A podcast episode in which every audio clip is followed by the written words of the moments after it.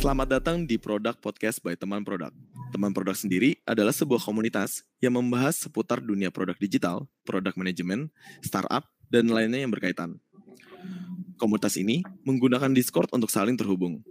Jadi, untuk kalian yang belum join, bisa cek invitation link Discord-nya di Instagram teman produk di @temanproduk.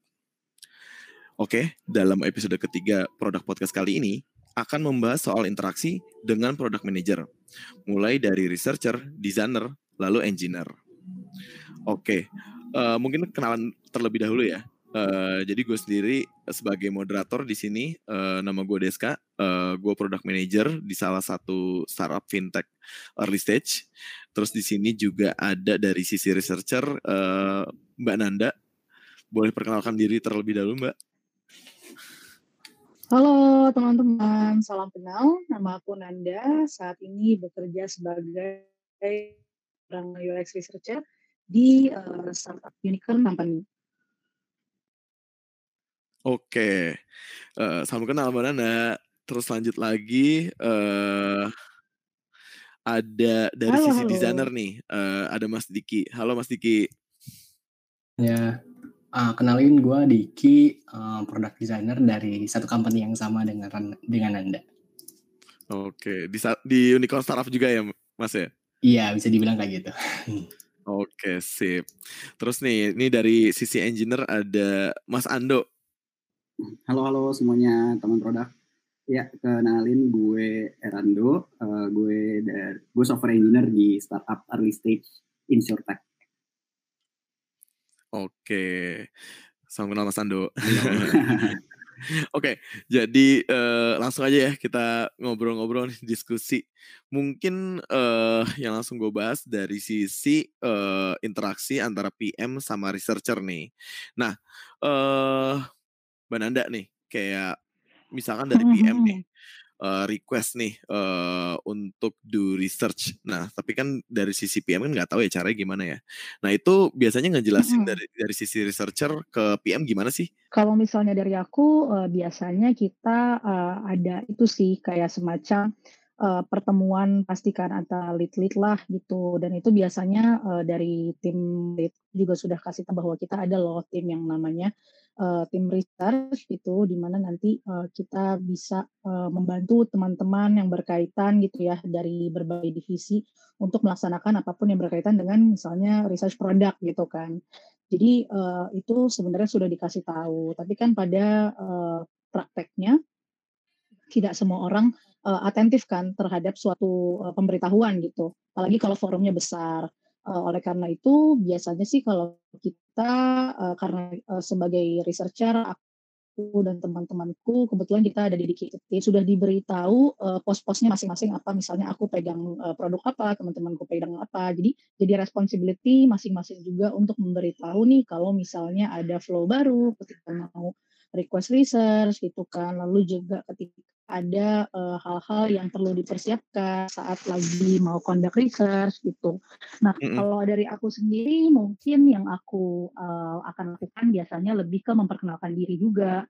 Lalu juga uh, itu sih kasih tahu responsibilityku apa karena uh, beberapa karena aku kan kebetulan di company yang sekarang udah beberapa waktu ya. Jadi mungkin beberapa stakeholders tuh kenalnya mungkin aku gitu dibandingkan mungkin beberapa uh, teman-teman risetku yang lain. Jadi aku kasih tahu sih dan kasih mereka uh, itu juga info kalau misalnya ada pergeseran sih siapa yang pegang riset di uh, apa yang mereka ingin risetkan gitu.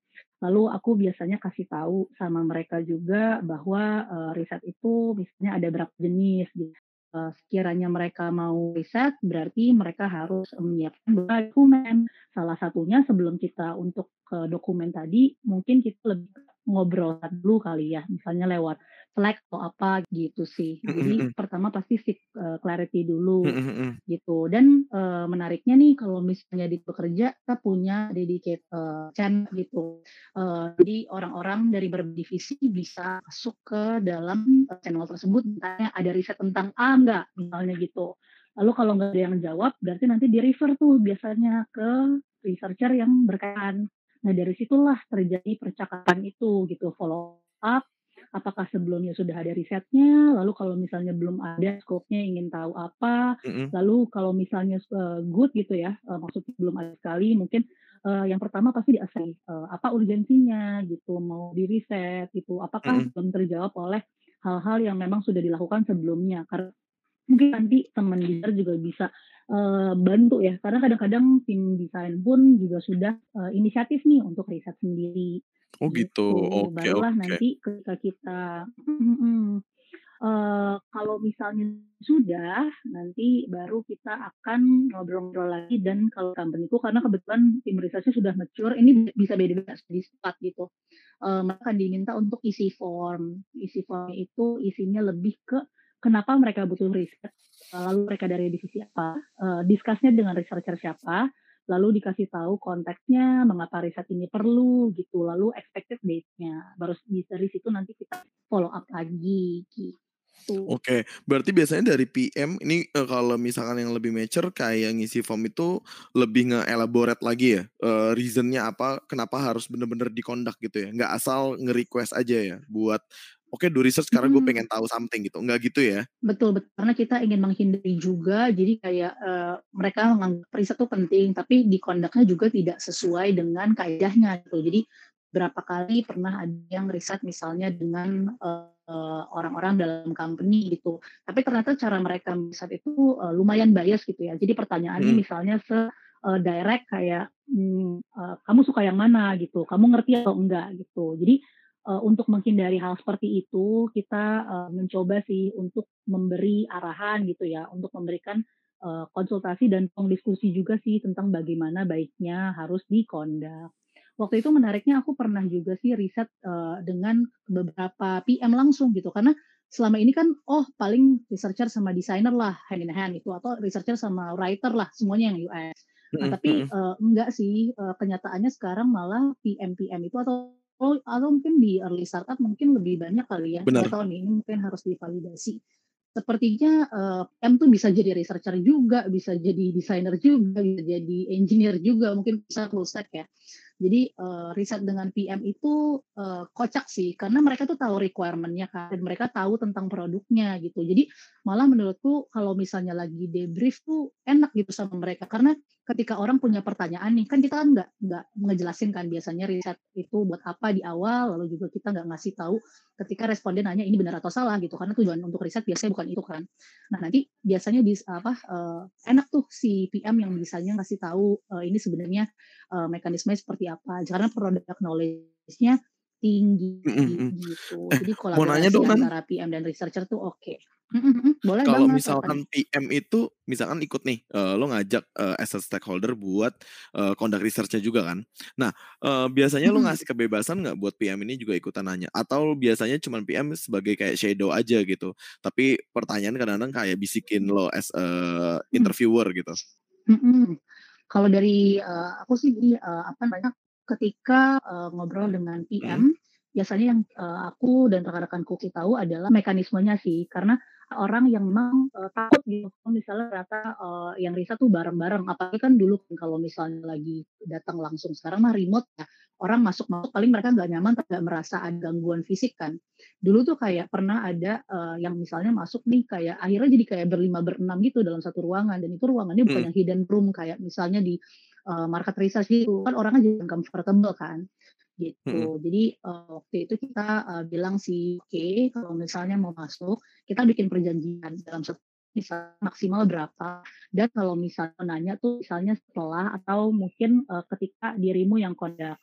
Karena kalau di tempat aku bekerja, sekarang kita ada, beberapa jenis riset, eee, yang menarik itu adalah ketika, eee, riset itu dilakukan bisa oleh stakeholder sendiri. Jadi nanti ibaratnya, eee, researcher di awal bantu drill nih tentang bagaimana Mhm. cara untuk, eee, risetnya, lalu kita juga bisa coba pilot gitu, misalnya kayak, eee, mereka yang conduct, terus kita nanti assess kira-kira udah oke atau belum. Setelah nanti kita bilang, "Oh good to go," nanti mereka bisa langsung ke, eee, itunya sendiri, user-nya sendiri, tapi kita bisanya di-shadowing. Kalau misalnya beberapa Oh sesi gitu. mungkin nanti mereka bisa auto run sendiri.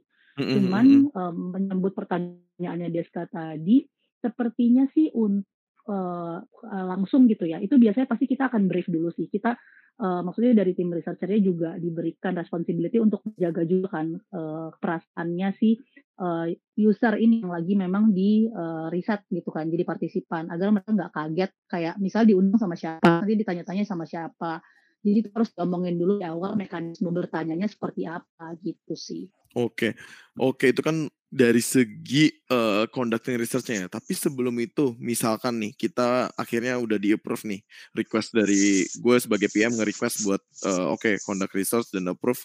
Nah biasanya tuh uh, makan waktu berapa lama sih nan uh, buat uh, proses research ini sampai benar-benar di uh, ini ya uh, synthesize data research-nya itu? Kalau misalnya di company tempatku kerja itu kan sudah lumayan mature ya. Mm-hmm. Jadi kayak sebenarnya research rate-nya agenda sendiri juga bukan riset-riset yang memang jadi folder.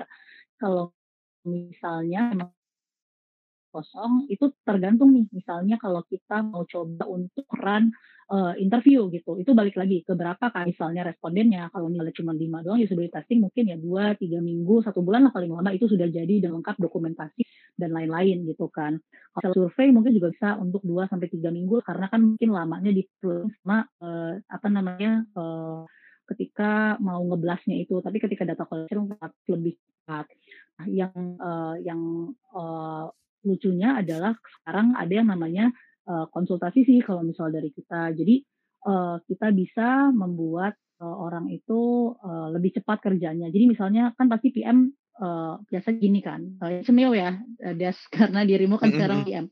Biasanya kayak Yo, pengen riset tapi kita cuma punya waktu dari segini sampai segini. Kalau enggak kita fuck up gitu, misalnya gitu kan. Adalah bumbu-bumbunya banyak. Tapi uh, kita ya kita tanya dulu juga kayak seberapa memang butuh uh, risetnya gitu. Tapi riset yang memang harus di riset oleh researcher, maksudnya tingkat kompleksitasnya itu seperti apa? Uh, hmm. Apa ini sesuatu yang memang desainer bisa bisa kon sendiri dan dia bantu, apa present ke stakeholder atau memang ini memang sesuatu yang sifatnya lebih abstrak, konseptual dan memang butuh planning yang matang serta bantu tim riset gitu. Jadi kalau misalnya minta bantuan tim riset itu tadi itu waktunya. Cuman uh, kalau misalnya dari uh, stakeholder sendiri biasanya ada yang bahkan kita cuman butuh dua minggu lah, tiga minggu lah lebih cepat lah gitu. Kalau okay. kita biasanya paling uh, cepat tuh satu bulan lah udah sanitasi. Tapi kan oh gitu. nah kalau konsultasi itu mereka yang ngeran sendiri, lalu researcher yang bantu untuk uh, sintesis aja, bantu untuk brief itu jadi lebih cepat. Gitu. I see. Oke, okay. dari misalkan udah sebulan nih, kan udah dokumentasinya udah jadi juga ya, ya kan? Nah itu biasanya kan uh, data yang uh, hasil research ini kalau diekstrak kan bisa menghasilkan sebuah desain. Nah itu uh, dari data yang diekstrak itu nyampein uh, komunikasinya ke desain tuh gimana ya? Mungkin Mas Diki juga uh, bisa menanggapi juga ya buat ini. Uh, jadi kalau misalnya dari research itu pasti kan kan kita ikut juga nih sprint planning, backlog grooming gitu kan.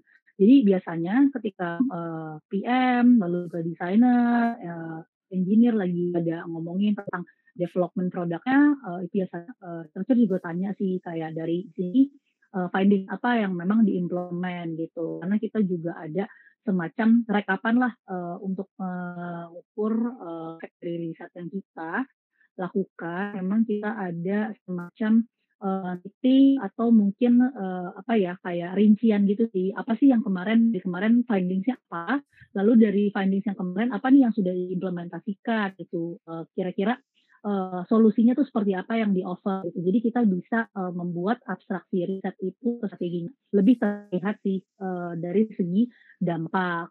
Nah, uh, kalau misalnya riset itu kan memang biasanya tidak selalu desain center ya, bisa aja kayak uh, si apa namanya dokumentasi itu sama yang fundingsnya itu lumayan beda. Tapi biasanya kita incar adalah konsep apa sih yang diaplikasikan?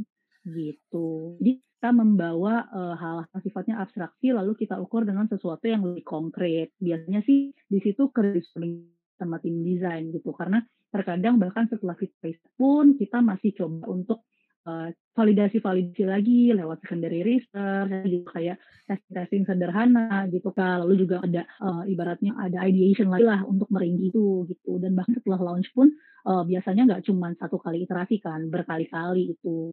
Jadi ya masih bisa lah untuk diukur uh, terkait dengan impact-nya gitu. Untuk uh, desain pun mereka biasanya itu sih laporan kayak misalnya oh dari uh, seperti ini ada implementasi seperti apa gitu.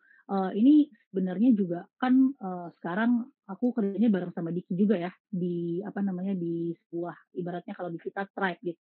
Nah, itu uh, aku sama desainernya lumayan sering tektokan sih. Jadi kayak, "Nan kita mau bikin ini nih, kira-kira harus gimana ya ini?" Jadi uh, implementasi desainnya kira-kira kenapa dan uh, ini kalau misalnya dari segi konsep kenapa harus begini dan tidak begini gitu. Jadi lumayan dekat untuk brainstorming dan untuk mengukur impact-nya. Karena nanti aku akan validasi lagi, eh ini implementasi yang kemarin itu dari konsep yang ini atau ini sebenarnya dari findings yang berbeda dari riset yang kemarin ya gitu. Oke, sip, sip. Thank you, uh, Nan, buat infonya nih dari segi interaksi antara researcher sama PM. Uh, mungkin gue bisa hmm. coba untuk dari sisi desainer ya. Uh, Mas Diki, uh, kalau dari Mas Diki ini gimana nih interaksi antara desainer sama PM? Mulai dari ini deh kayak uh, kalau misalkan dari desainer ngepropose suatu desain itu biar PM bisa uh, paham nih sama desain yang dipropose tuh kayak gimana sih? Menarik nih sebenarnya. Karena ada dua sisi sebenarnya. Ada sisi yang kita sama-sama dengan idealis yang mirip gitu kan. Sama ada satu kasus kalau misalnya ternyata dia antara desainer sama PM ini beda nih kalau misalnya idealismenya sama seharusnya nggak ada jadi ada masalah sih semuanya itu berjalan dengan lancar gitu desain yang kita provide gitu uh, 95% 90% itu udah sesuai sama yang diinginkan sama PM gitu kan which is no worries gitu.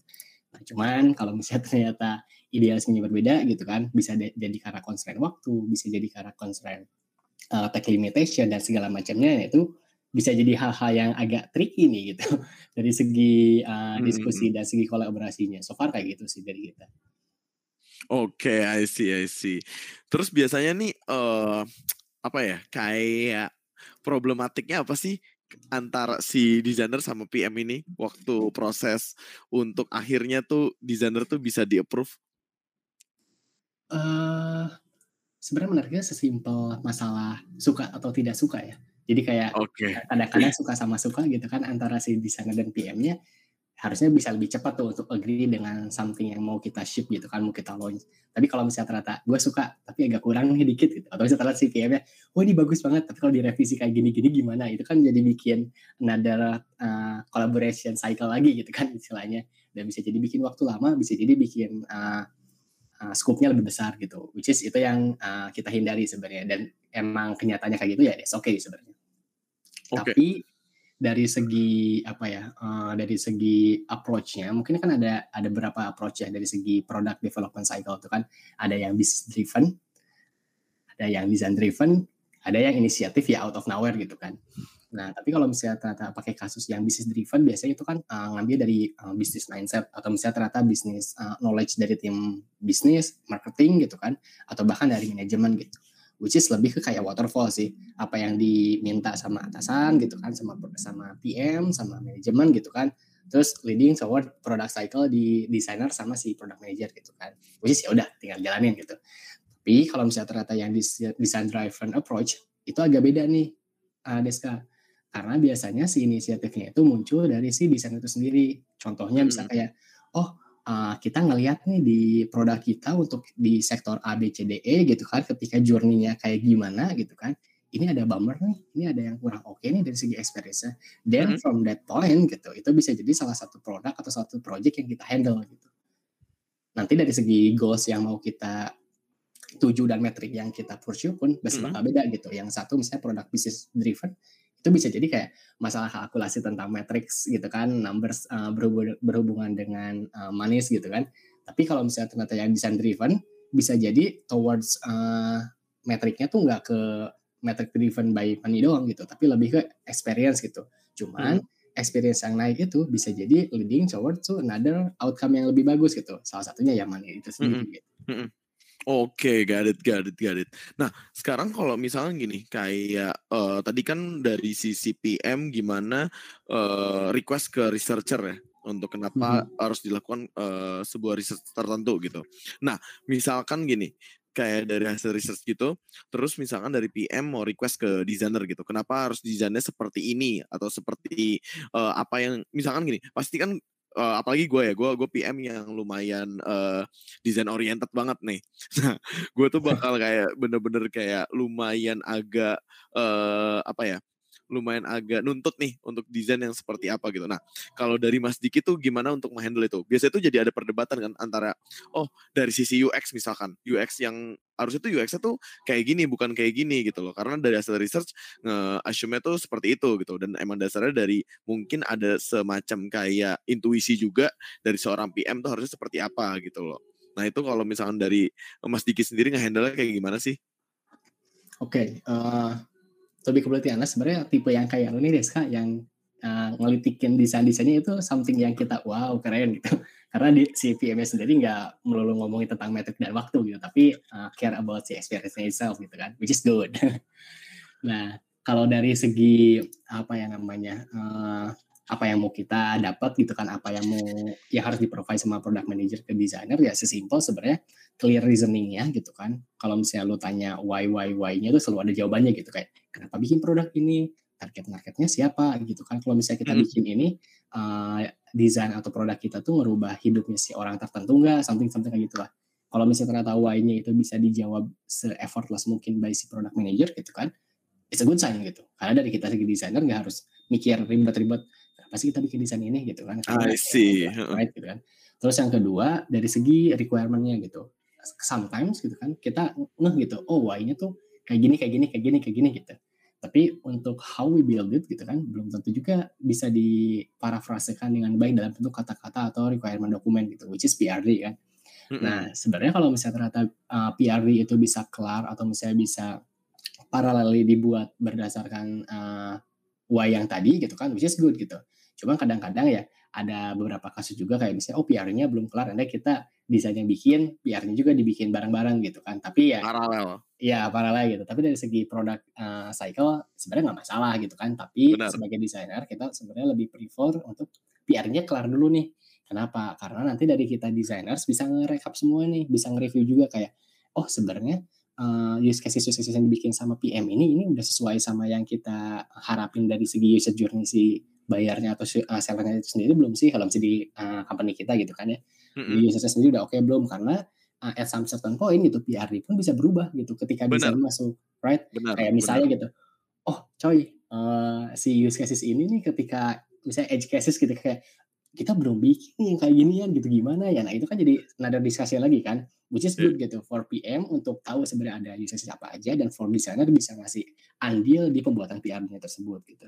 Heeh.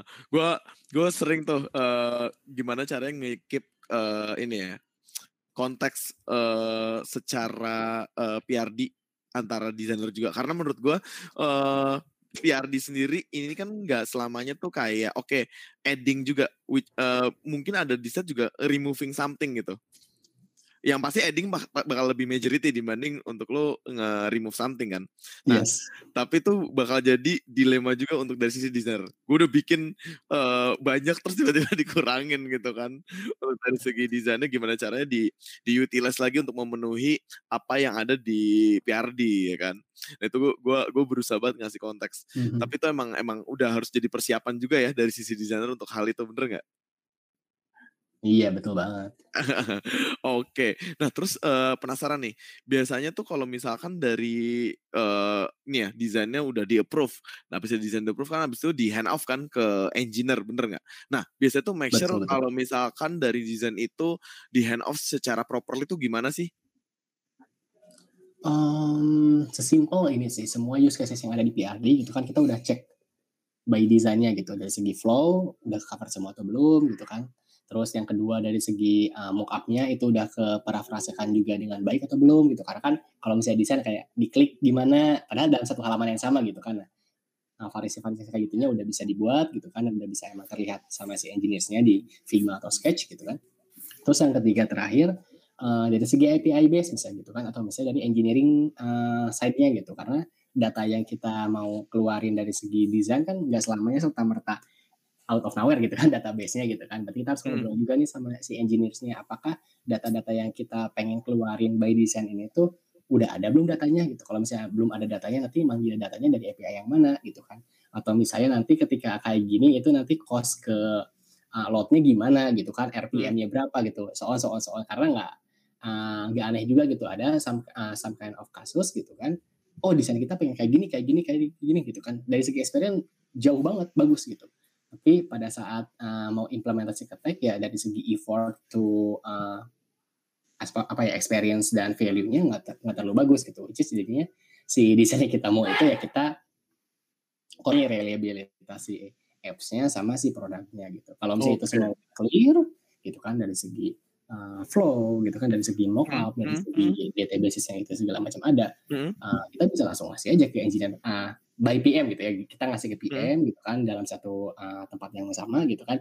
Ini desainnya uh, kindly check it gitu kan, review it for engineers bisa juga dicek gitu kan kalau misalnya ternyata ada sesuatu yang emang bisa membingungkan bisa tanya ke kita atau ke CPM-nya masing-masing. Oke, okay. jadi sebenarnya dari PM sama engineer pun bisa participate sama uh, possibility dari desain itu gimana ya untuk di develop, ya enggak? Oh iya, bisa banget. Bisa banget, oke. Okay. Nah, ngomongin hmm. dari sisi engineer, uh, gimana nih Mas Ando nih untuk uh, kolaborasinya sama PM, apalagi sama desain yang udah udah jadi nih uh, menurut uh, Mas Ando sendiri biasanya tuh desain yang udah di hand off itu awal-awal udah sesuai ekspektasi untuk di development atau belum ya? Hmm, uh, eh, tergantung sih. Tadi yang udah jelas sama Mas Diki kan, kayak mungkin ada beberapa uh, startup tuh yang desainernya tuh uh, ngajak engineer buat involve the, kayak konsultasi lah ke engineer kayak menurut kalian ini hmm. gimana? Soalnya kan ada, soalnya uh, beberapa startup, eh, beberapa kantor tuh dia udah punya uh, eh, UI library yang engineer bikin yang udah deal-dealan sama uh, desainer kan. Mm-hmm. Nah, somehow tuh beberapa uh, sering banget terjadi kayak desainer melupakan dari eh dia lupain library-nya atau mm-hmm. uh, dia bikin UX uh, UX flow-nya tuh kurang jelas menurut kita dan banyak-banyak banget yang effortnya terlalu besar untuk bikin let's say motion atau animation yang enak dilihat mata tapi nggak enak ditulis tangan engineer gitu kan. Itu kan sering banget. Nah kayak kita tuh lebih kayak fokus ke goalsnya dari produk itu sih kayak uh, sebenarnya tuh sebenarnya produk tuh pengen bikin fitur kayak gimana sih? Uh, kayaknya kalau misalnya kayak gini dengan library yang kita punya mendingan dibikin kayak gini deh. Jadi makanya kayak uh, kolaborasi sama desainer tuh antara engineer tuh uh, ngebantu banget untuk proses development produk itu I see. Oke oke oke. Jadi biar nggak ini ya, nggak kadung kalau misalkan nanti udah dikasih uh, desainnya ternyata tuh ribet banget ya untuk uh, biasa tuh ini ya animation yang kas, di, mesti di custom ya, bukan yang udah ada di library bener nggak? Benar benar benar benar. Kan uh, uh. si engineer tuh juga rata-rata kebanyakan sih. Engineer tuh uh, mereka tuh uh, apa ya? Mereka tuh kayak selalu di mereka tuh why person gitu. Kayak maksudnya kayak setiap apa pun yang produk kasih atau desainer kasih itu pasti mereka nanya gini kenapa bikinnya kayak gini? Kenapa kayak gitu? Gitu gitu jadi kayak dari situ kan uh, banyak banget tuh uh, sesuatu input-input uh, dari sisi engineer buat desain hmm. yang bisa masuk ke goalsnya si produk itu I see. Oke, oke, oke. Sip. Nah, terus coba mundur lagi nih gue.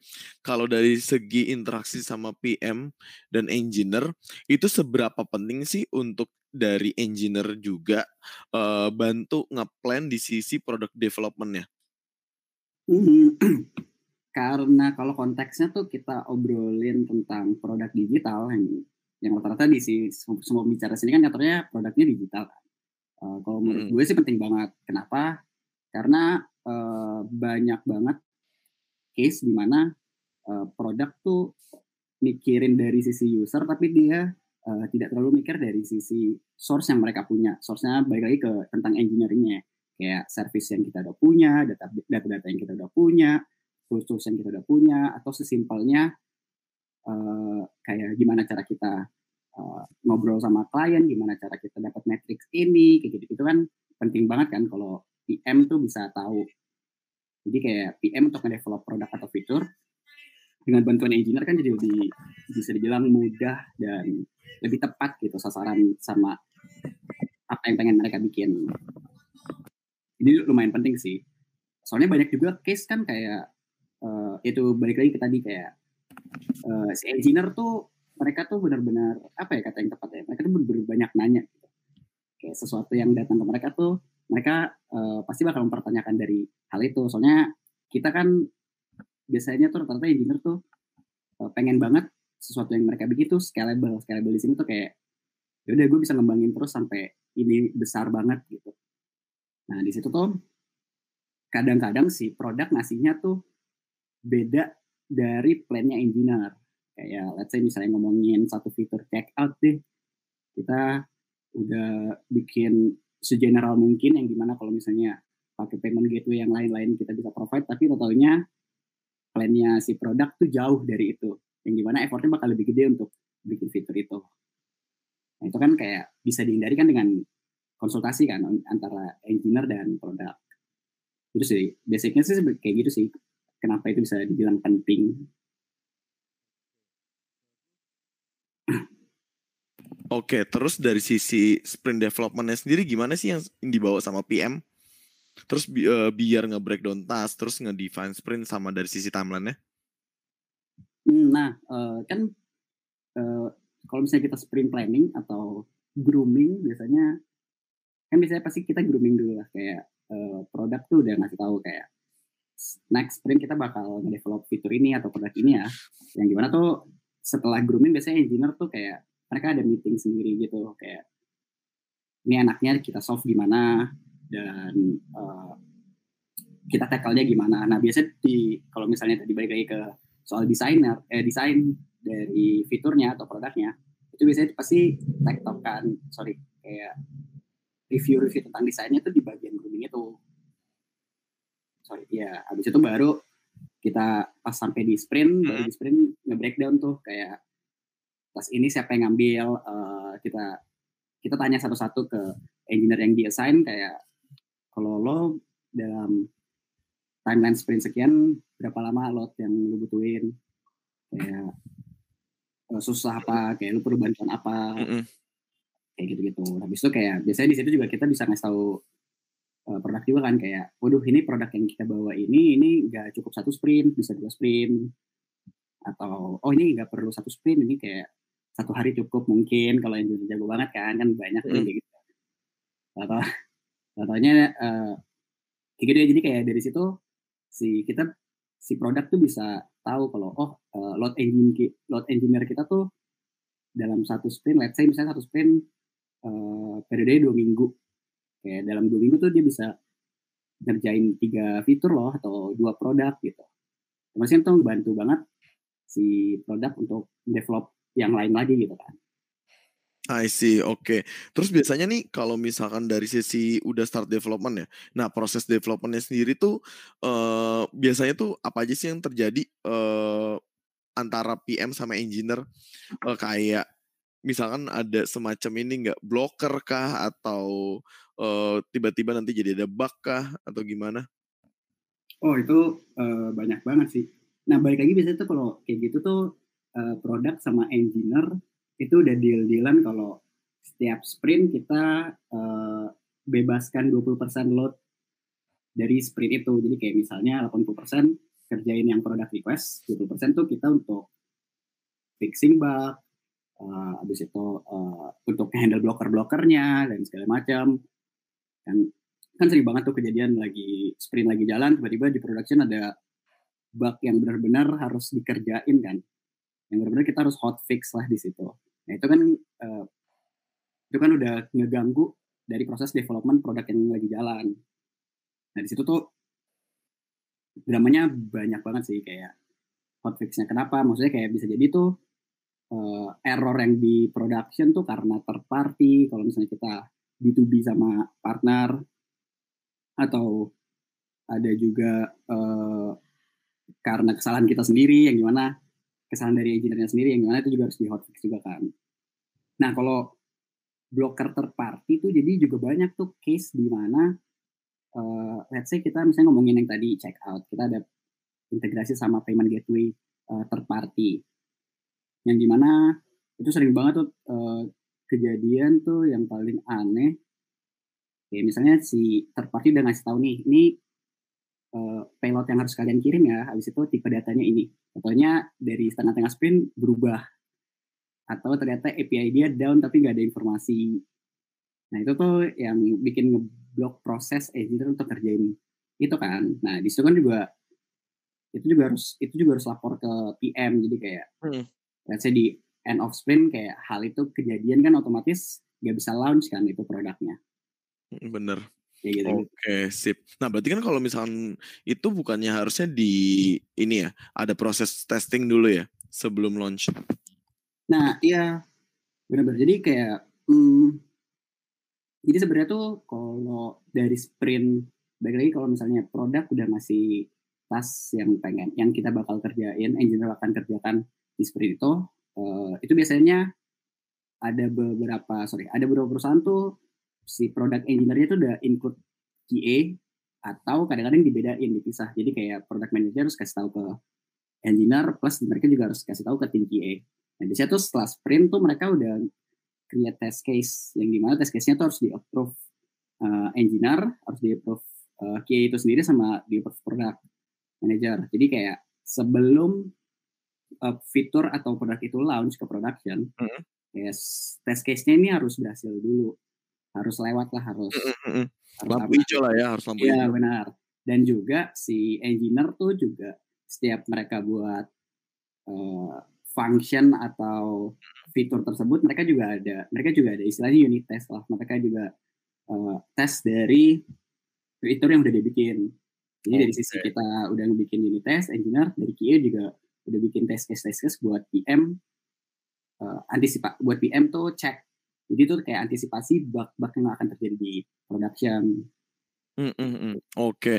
nah terakhir nih Mas Ando, uh, kalau misalkan ada suatu konteks nih yang nggak cukup clear dari PM, nah itu biasanya tuh uh, komunikasi gimana sih dari PM sama engineer itu supaya make sense untuk di-execute uh, developmentnya? Hmm, nah itu itu banyak sih uh, ba uh, banyak sih itu kayak bisa biasanya tuh PM itu udah ngegandeng uh, engine, engineer manager kalau di company-nya kalau di perusahaannya ada engineer manager biasanya mereka berdua udah gandengan tuh mm -hmm. jadi uh, baik lagi ke yang how important engineer sama PM berkonsultasi barengan tuh ya itu untuk eh, untuk minimalisir kejadian-kejadian yang let's say PM ngasih tahu sesuatu yang pengen di develop terus ditolak sama engineer. Itu kan sering banget tuh kan jadi kayak wah ini gak bisa nih di execute ini karena bla bla bla ini karena effortnya tuh uh, dari si engineer tuh terlalu besar dengan timeline terlalu sempit kayak ini kayaknya gak bisa di execute apa segala macam. Nah biasanya di situ ya itu tadi kayak kita uh, engineer sih mau banget de, uh, kasih masukan ke PM tentang apa yang mau di apa yang mau mereka develop. Dan dari situ kan jadi kayak otomatis kemungkinan besar uh, apa pun yang mau di develop itu bisa dieksekut.